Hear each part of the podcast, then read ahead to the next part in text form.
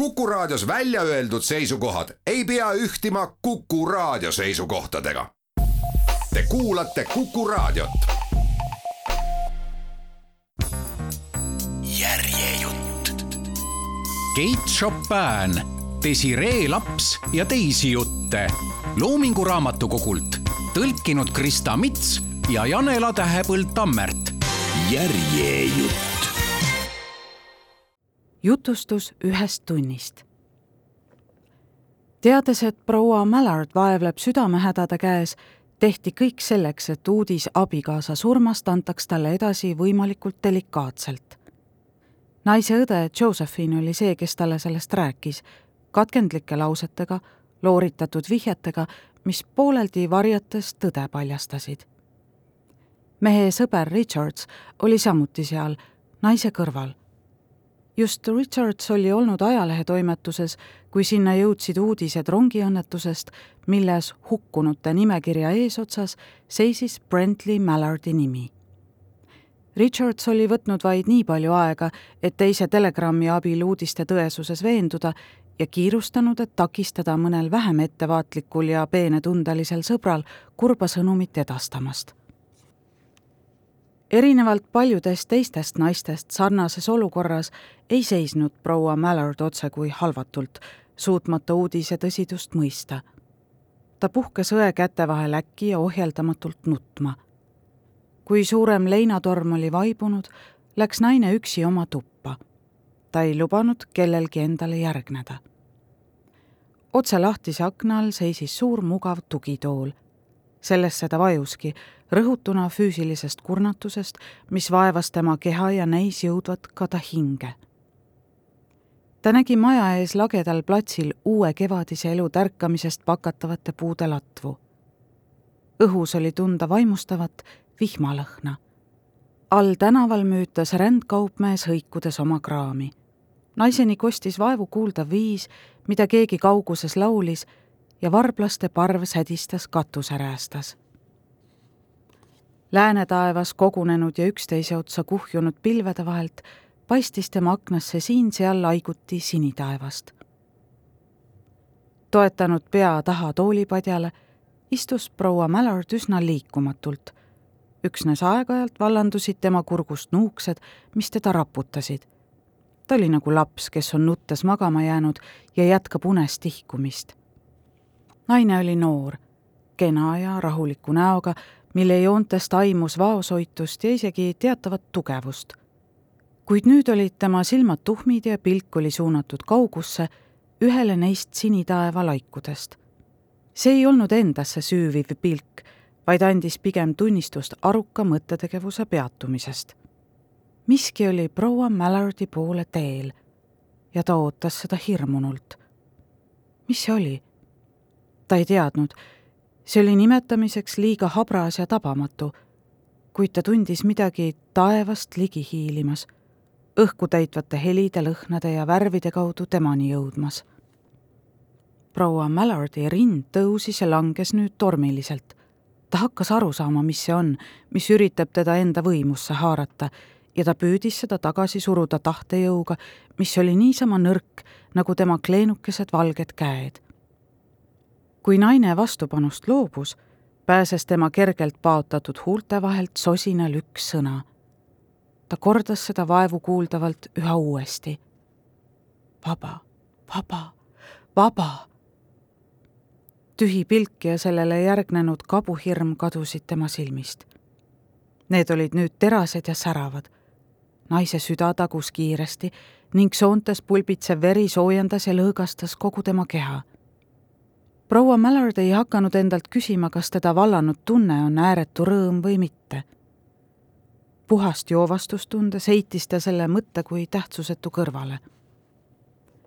proua Mallard teadis, et hakkab jälle nutma, kui näeb mehe lahkeid õrnu käsi elutult rinnal ristatuna ja tema nägu, mis oli naist vaadanud üksnes armastavalt, jäi ka halli ja surnuna. kuid naine tundis, et sellele valusale hetkele järgneb pikk rodu aastaid, mis kuuluvad täielikult talle. ja ta oli valmis neid avasüli tervitama. Neil eelseisvatel aastatel ei peaks ta elama kellegi teise korraldatud elu, vaid enda oma. Poleks kellegi tugevat tahet, mis suruks pimeda sihikindlusega alla tema oma, sest on mehi ja naisi, kes arvavad endal olevat õiguse kaasinimestele oma tahet peale sundida. See, kas seda tehakse heal või kurjal eesmärgil, ei muuda tegu vähem kuritegelikuks, mõtiskles ta sel üürikesel valgustuse hetkel. ja ometi oli ta meest armastanud. mõnikord. sageli ei olnud ta seda teinud. mis tähtsust sel enam oli, mis loeb armastus, see lahendamata mõistatus, teda vallanud iseteadvuse kõrval, millest ta ühtäkki tundis ära oma olemuse kõige tugevama tungi. vaba, keha ja hing on vabad sosistas ta ikka ja jälle. Josephine põlvitas suletud ukse taga suu lukuaugu ääres ja anus sisselaskmist. Louise, ava uks, ma palun sind, ava uks, sa mõtled end niimoodi haigeks. millega sa seal tegeled? Louise, jumala eest, ava uks. mine ära, ma ei mõtle end haigeks. ei, läbi avatud akna ammutas ta hoopis tõelist elu eliksiiri naise kujutlusvõime lausa lendas eesootavatesse päevadesse. kevadised, suvised ja igasugu muud päevad, mis oleksid vaid tema enda päralt. ta luges sosinal kiire palve, soovides, et ta elaks kaua. alles eile oli ta hirmujudinaga mõelnud, et ta võib elada kaua. Proua Mallard tõusis pikkamööda püsti ja avas õe pealekäimisel ukse. tema silmis oli palavikuline võidurõõm ja kehahoiak oli ta enese teadmata nagu võidujumalannal. ta pani käe õe piha ümber ja koos läksid nad trepist alla. Richard seisis neid oodates all. keegi avas võtmega esiukse. see, kes rahulikul sammul sisenes, reisikott ja vihmavari käes, oli sõidust veidi räsitud Brentley Mallard ta oli olnud õnnetuspaigast kaugel ja isegi ei teadnud, et midagi oli juhtunud. Brentley Mallard seisis jahmunult, kuuldes Josephine'i läbilõikavat karjatust ja nähes Richardsi kiiret liigutust, et teda proua pilgu eest varjata. aga Richards jäi liiga hiljaks. kui arstid tulid, ütlesid nad, et proua Mallard suri haige südame tõttu. Rõõm oli ta tapnud. tuhat kaheksasada üheksakümmend neli paar siidisukki.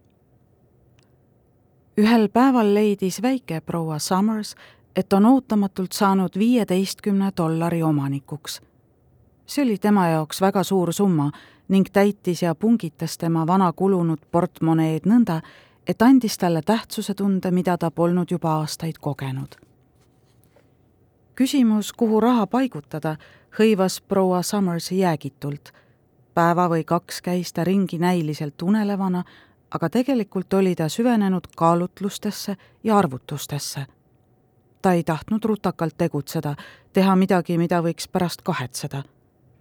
aga vaiksetel öötundidel, kui ta lamas ärkvel, plaanid peas keerlemas, uskus ta, et on leidnud kindla viisi raha sobivaks ja mõistlikuks kasutamiseks Jane'i kingade eest tuleks välja käia dollar või kaks rohkem kui tavaliselt. see tagaks nende vastupidamise tunduvalt pikemaks ajaks. ta ostaks nii ja nii mitu jardi perkalit poiste ning Jane'i ja Maggie bluuside tarbeks. ta oli plaaninud vanadega oskusliku paikamise abil läbi ajada. Mägil oleks tarvis veel üht kleiti. ta oli poeaknail näinud kauneid näidiseid tõeliselt soodsa hinnaga ja ikka veel jääks piisavalt üle ka uute sukkade jaoks, igaühele kaks paari, nii et poleks vaja tükk aega nõeluda. ta ostaks poistele nokkmütsid ja tüdrukutele õlgkübarad. pilt, kuidas tema väikesel pesakonnal oleks kordki elu jooksul värske, elegantne ja uus väljanägemine, erutas teda ning muutis ta ootusest rahutuks ja röövis talt une naabrid rääkisid mõnikord teatud parematest päevadest, mida väikeproua Summers oli tunda saanud, enne kui ta oli proua Summersiks saamisest üldse mõelnudki. tema ise ei laskunud nii morbiidsesse minevikuvaatlusse. tal polnud aega mitte ühtegi sekunditki, mida minevikule pühendada. oleviku vajadused haarasid kõiki tema meeli. tulevik terendas tema ees mõnikord ähmase õõvastava kondise koletisena, aga õnneks ei tea keegi, mida homne päev toob.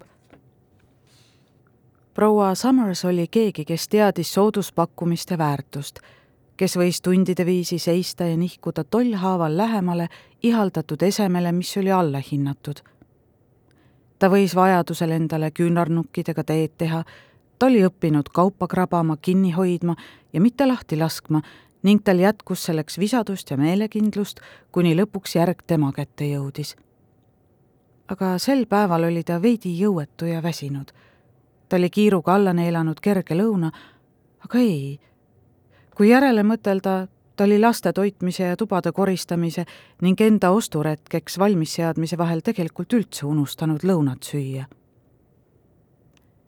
proua Summers istus ühe võrdlemisi väherahvastatud leti äärde pöördtoolile, kogumaks jõudu ja vaprust, et murda läbi saamahimulisest massist, kes piiras kõrget särgiriide ja mustrilise puuvillakanga valli. teda oli haaranud täielik loidus ja ta toetas käe sihtult letile. ta ei kandnud kindaid. aegamisi sai ta teadlikuks, et tema käsi oli puutunud millegi eriliselt rahustava ja meeldiva vastu ta vaatas letile ja nägi, et käsi lebas siitsukkade kuhjal.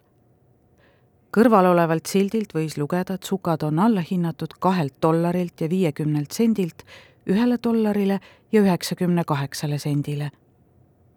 noor müüjaneiu, kes leti taga seisis, küsis, kas ta soovib nende valikuga tutvuda.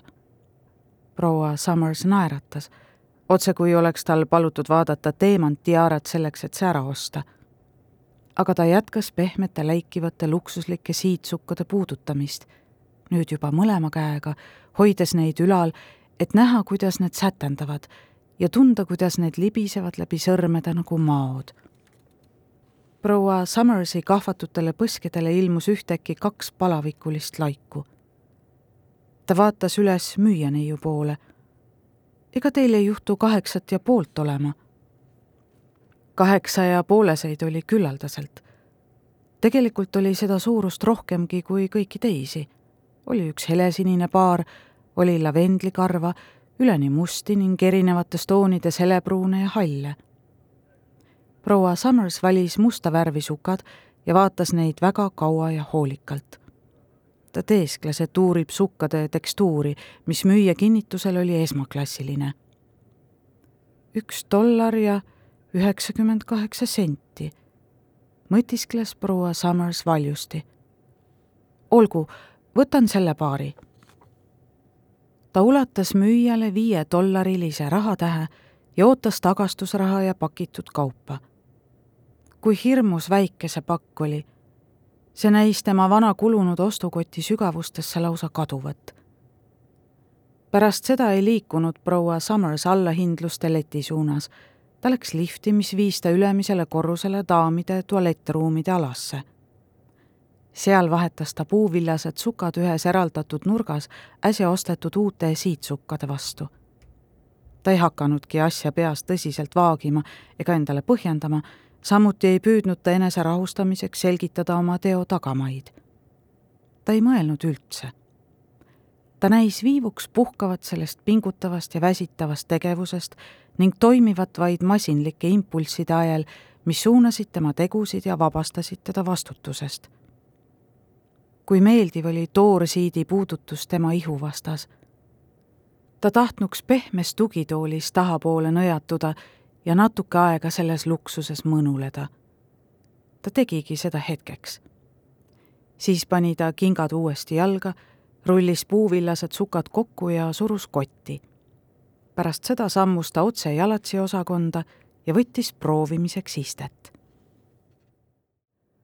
proua Summers oli nõudlik. müüja ei saanud tast aru, ei osanud jalanõusid tema sukkadega kokku sobitada ja prouale polnud kuigi lihtne meele järele olla proua Summers hoidis seelikuid üleval ja pööras jalga ühele ja pead teisele poole, kui heitis pilgu läikivatele terava ninaga saabastele. Tema jalg ja pahkluu nägid nii kaunid välja. tal ei jõudnud päriselt kohale, et need kuuluvad talle ja on osa temast. ta tahab, et saapad oleksid esmaklassilised ja stiilsed, ütles ta teda teenindavale noormehele ja need võivad olla paar dollarit kallimad, peaasi, et ta saab, mida soovib. proua Summersile polnud pikka aega kindaid passitatud. Nendel harvadel juhtudel, kui ta oli mõne paari ostnud, oli see alati saadud soodsalt, isegi nii odavalt, et olnuks jabur ja põhjendamatu hakata neid käe järgi valima nüüd toetas ta küünarnuki kindaletil olevale padjakesele ning kaunis ja meeldiv noor olend tõmbas õrnade ja kärmete liigutustega proua Summersi kätte pika randmeosaga tallenahast kinda. Müüja sättis randmeosa siledaks ja nööpis korralikult kinni ning mõlemad süvenesid paariks sekundiks väikese sümmeetrilise kinnastatud käe imetlevasse vaatlusse. aga oli veel teisigi kohti, kus raha kulutada tänaval ainult mõne sammu kaugusel asus kiosk, mille aknale olid kuhjatud raamatud ja ajakirjad. proua Summers ostis kaks kallist ajakirja, milliseid ta oli harjunud lugema neil päevil, kui ta oli harjunud ka teiste meeldivate asjadega. ta võttis need pakkimata kaasa. tänavat ületades kergitas ta seelikuid nii palju kui võimalik. sukad, saapad ja hästi istuvad kindad tegid naise hoiakuga imet Need andsid talle enesekindluse ja hästi riietatud rahvamassi hulka kuulumise tunde. ta oli väga näljane. Mõnel muul ajal oleks ta oma isu maha surunud kuni koju jõudmiseni, kus ta oleks keetnud endale tassi teed ja näksinud seda, mida parasjagu saada oli. aga impulss, mille ajal proua Summers tegutses, ei lasknud tal sellist mõtet vaagida. tänavanurgal oli restoran ta polnud selle uksest kunagi sisse astunud. mõnikord oli ta väljast vilksamisi silmanud laitmatult puhtaid damastist laudlinu, säravat kristalli ja käratult liikuvaid kelnereid, kes teenindasid peenemat sorti rahvast. kui proua Summers sisenes, ei tekitanud tema välimus üllatust ega jahmatust, nagu ta oli pisut kartnud. ta istus üksi väikese laua taha ja tähelepanelik kelner tuli kohe temalt tellimust võtma ta ei tahtnud midagi suurt, vaid tal oli isu millegi hea ja maitsva järele. pool tosinat austrit, mahlane kressiga garneeritud karbonaad, midagi magusat, näiteks creme frappeed, klaas reinveini ja lõpetuseks väike tass musta kohvi. sel ajal, kui ta ootas toidu saabumist, tõmbas ta kindad väga aeglaselt käest ja pani enda kõrvale. seejärel võttis ta ajakirja ja sirvis seda lõigates lehti noa nüriservaga lahti. see kõik oli väga nauditav. Damastist laudlina oli veelgi laitmatum, kui oli läbi akna tundunud ja kristallklaas veelgi säravam. viisakad daamid ja härrad, kes teda tähele ei pannud, lõunatasid samasugustes väikestes laudades nagu tema. kuulda oli vaikset meeldivat muusikat ja aknast hoovas õrna tuult. ta võttis ampsu, luges natuke rüüpas seejärel merevaigu värvi veini ja liigutas siitsukades varbaid. Mis see kõik maksma läks, ei olnud tähtis. ta andis kelnerile nõutud summa ja jättis tema kandikule ühe mündi lisaks, mille peale too tema ees kummardas, nagu oleks ta kuninglikust soost printsess. proua Summersil oli rahakotis ikka veel raha ja järgmine kiusatus ilmus talle matineed reklaamiva plakati kujul veidi hiljem, kui ta teatrisse sisse astus, oli etendus juba alanud ja saal näis rahvast pungil täis olevat. aga siin-seal oli vabu kohti ja ühele neist ta juhatatigi, väljapaistvalt riietatud naiste vahele, kes olid tulnud siia vaba aega veetma, maiustusi sööma ja oma kirevaid rõivaid näitama. paljud teised olid seal siiski üksnes etenduse ja näitlejate pärast. võib julgelt väita, et seal polnud kedagi, kel oleks olnud selline suhtumine ümbritsevasse nagu proua Summersil. Ta ahmis endasse kõike, lava, näitlejaid ja inimesi, ja sellest tekkis üks suur mulje, mis teda kaasa kiskus ja vaimustas. ta naeris koomiliste kohtade peal ja nuttis, nuttis koos tema kõrval istuva kirevais rõivais naisega traagiliste kohtade peal. ja nad ka arutlesid põgusalt selle üle, kirevais rõivais naine pühkis silmi, nuuskas lörinal pisikesse läbipaistvasse lõhnastatud pits taskurätikusse ja pakkus talle kommikarbist maiust. etendus oli läbi, muusika vaikis, rahvas voolas välja. nagu unenägu oleks lõppenud. inimesed hajusid kõigis suundades laiali. proua Summers läks tänavanurgale ja ootas trammi proua Summersi vastas istuvale terase pilguga mehele näis pakkuvat huvi naise väikest kahvatut nägu vaadelda. Mees murdis pead, et aru saada, mida ta nägi. tegelikult ei näinud ta midagi, kui tal polnud just mingeid võluvõimeid, et märgata proua Summersi põletavat soovi, palavat igatsust, et tramm mitte kunagi kusagil ei peatuks, vaid sõidaks koos temaga igavesti edasi tuhat kaheksasada üheksakümmend kuus. medaljon. Ühel sügisõhtul olid mõned mehed kogunenud mäeküljele lõkke äärde. Nad kuulusid ühte väikesesse konföderatsiooni armee üksusesse ja ootasid käsku edasiliikumiseks. Nende hallid mundrid olid peaaegu ribadeks kulunud. üks meestest kuumutas midagi plekkruusis süte kohal kaks meest lebasid veidi eemal täies pikkuses siruli maas, sel ajal kui neljas proovis lugeda kirja ja oli valgusele lähemale nihkunud. ta oli krae ja flanellsärgi rinnaesis üsna pikalt lahti teinud. mis see sul seal kaela ümber on, need? küsis üks meestest, kes kaugemal pimedas lamas. Need ehk Edmund pani masinlikult veel ühe särginööbi kinni ja ei vastanud. ta jätkas kirja lugemist kas see on sinu kallikese pilt?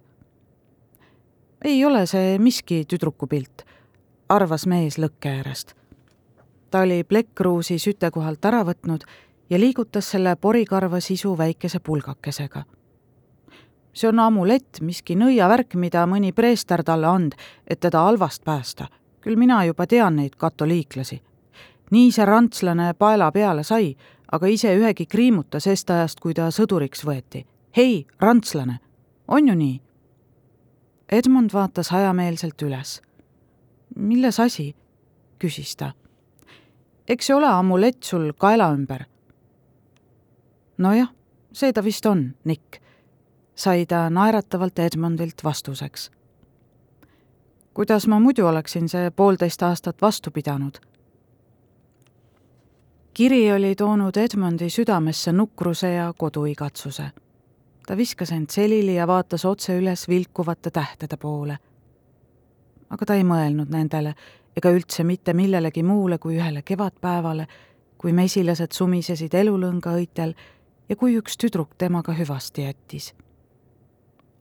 ta nägi, kuidas tüdruk võttis kaelast medaljoni ja kinnitas selle tema enda kaela ümber. see oli vanamoodne kullast medaljon tüdruku isa ja ema miniatuurportreedega ja nende nimede ja abiellumise kuupäevaga. See oli tüdruku kõige kallim mainevarandus.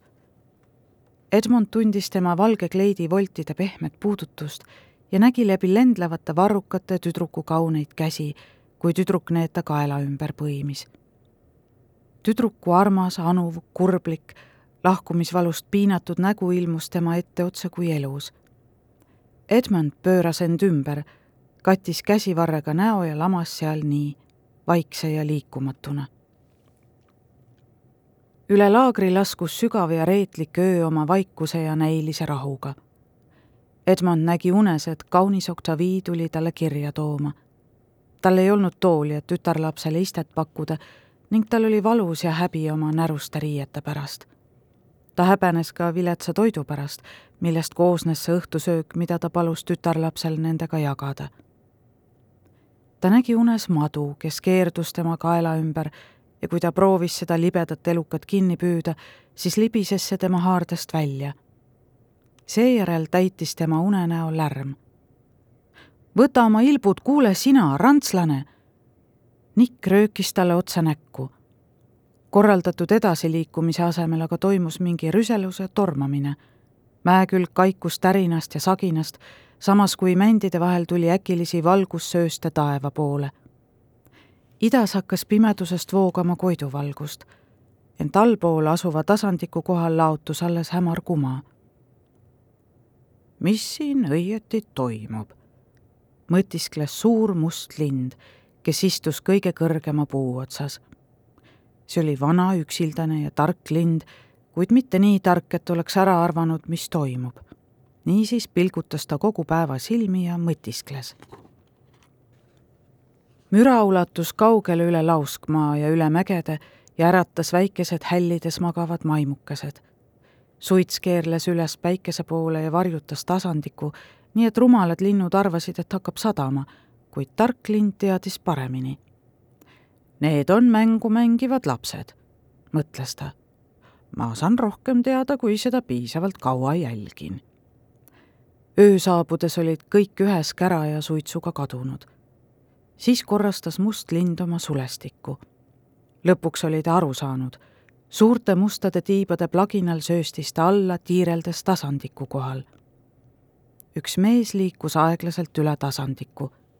ta oli riietatud vaimuliku rüüsse. tema ülesandeks oli pakkuda usulohutust nendele maaslamajatele, kelles võis veel hingitseda elusäde. tema saatjaks oli neeger, kes kandis veeämbrit ja veinipudelit. Haavatuid siin ei olnud, need olid ära viidud aga taganetud oldi kiirustades ning raisakotkad ja head samariitlased pidid hoolitsema surnute eest. üks sõdur, alles poisike, lamas seal nägu taeva poole. tema käed olid klammerdunud mõlemal pool murukamarasse ja küünealused olid täis mulda ja rohututte, mida ta oli haaranud meeleheitlikus püüdes elust kinni hoida. Tema musket oli kadunud, tema müts oli läinud ning nägu ja riided olid püssirohusuitsust määrdunud. kaelas rippus tal kuldne kett koos medaljoniga. kummardudes üle surnud sõduri, tegi preester keti lahti ning võttis selle tema kaela ümbert ära. ta oli harjunud sõja õudustega ja ei kohkunud nende ees tagasi, kuid sõja kurbus tõi tema vanadesse ähmastesse silmadesse ikka ja alati pisarad. Pool miili eemal helisesid õhtukellad preester ja neeger põlvitasid ja pomisesid koos angeluse palve ja palve surnute eest. kevadise päeva rahu ja ilu olid laskunud maa peale nagu õnnistus. piki varjulist kesk-Lusiana teed, mis külgnes kitsa loogelise jõega, kolistas üks vanamoeline päevi näinud kabriolett, millega oli kõvadel ja konarlikel maanteedel ja külavaheteedel palju sõidetud prisked mustad hobused sörkisid tasase mõõdetud sammuga, hoolimata priske musta kutsari pidevast ergutusest. kabrioletis istus kaunis Octavie koos vana sõbra ja naabri, kohtunik Piega, kes oli ta hommikusele sõidule kaasa võtnud. Octaviil oli seljas lihtne must kleit, mis oli oma lihtsuses range kitsas vöö hoidis kleiti koos ja varrukad lõppesid tihedalt ümber randmete liibuvate kätistega ta oli loobunud krinoliinseelikust ja näis üsnagi nunna moodi. pihiku voltide vahel oli peidus tema vana medaljon. ta ei näidanud seda enam kellelegi. tema silmis oli see talle tagastatud pühitsetuna. see oli saanud hinnaliseks, nagu materiaalsed esemed mõnikord saavad, sest on igaveseks seotud mõne inimese elu tähtsa hetkega koos medaljoniga saabunud kirja oli ta lugenud oma sada korda isegi samal hommikul oli ta selle üle juurelnud. kui ta istus akna juures ja silus põlvedel kirja, siis olid koos õhku täitva lindude laulu ja putukate suminaga aknast vargsi sisse hiilinud ka rasked ja särtsakad aroomid. Octavie oli nii noor ja maailm oli nii ilus, et teda haaras ebareaalsuse tunne, kui ta preestri kirja üha uuesti luges. preester rääkis tollest lõppevast sügispäevast mil kuldsed ja punased toonid kadusid lääne taevast ning varjud kogunesid öös, et katta surnute näod. oh, Octavie ei suutnud uskuda, et üks neist surnuist oli tema kallim, nägu pööratud halli taeva poole ahastavas palves. Temast tõusis vastuhaku ja mässupuhang, mis ta üleni endasse haaras.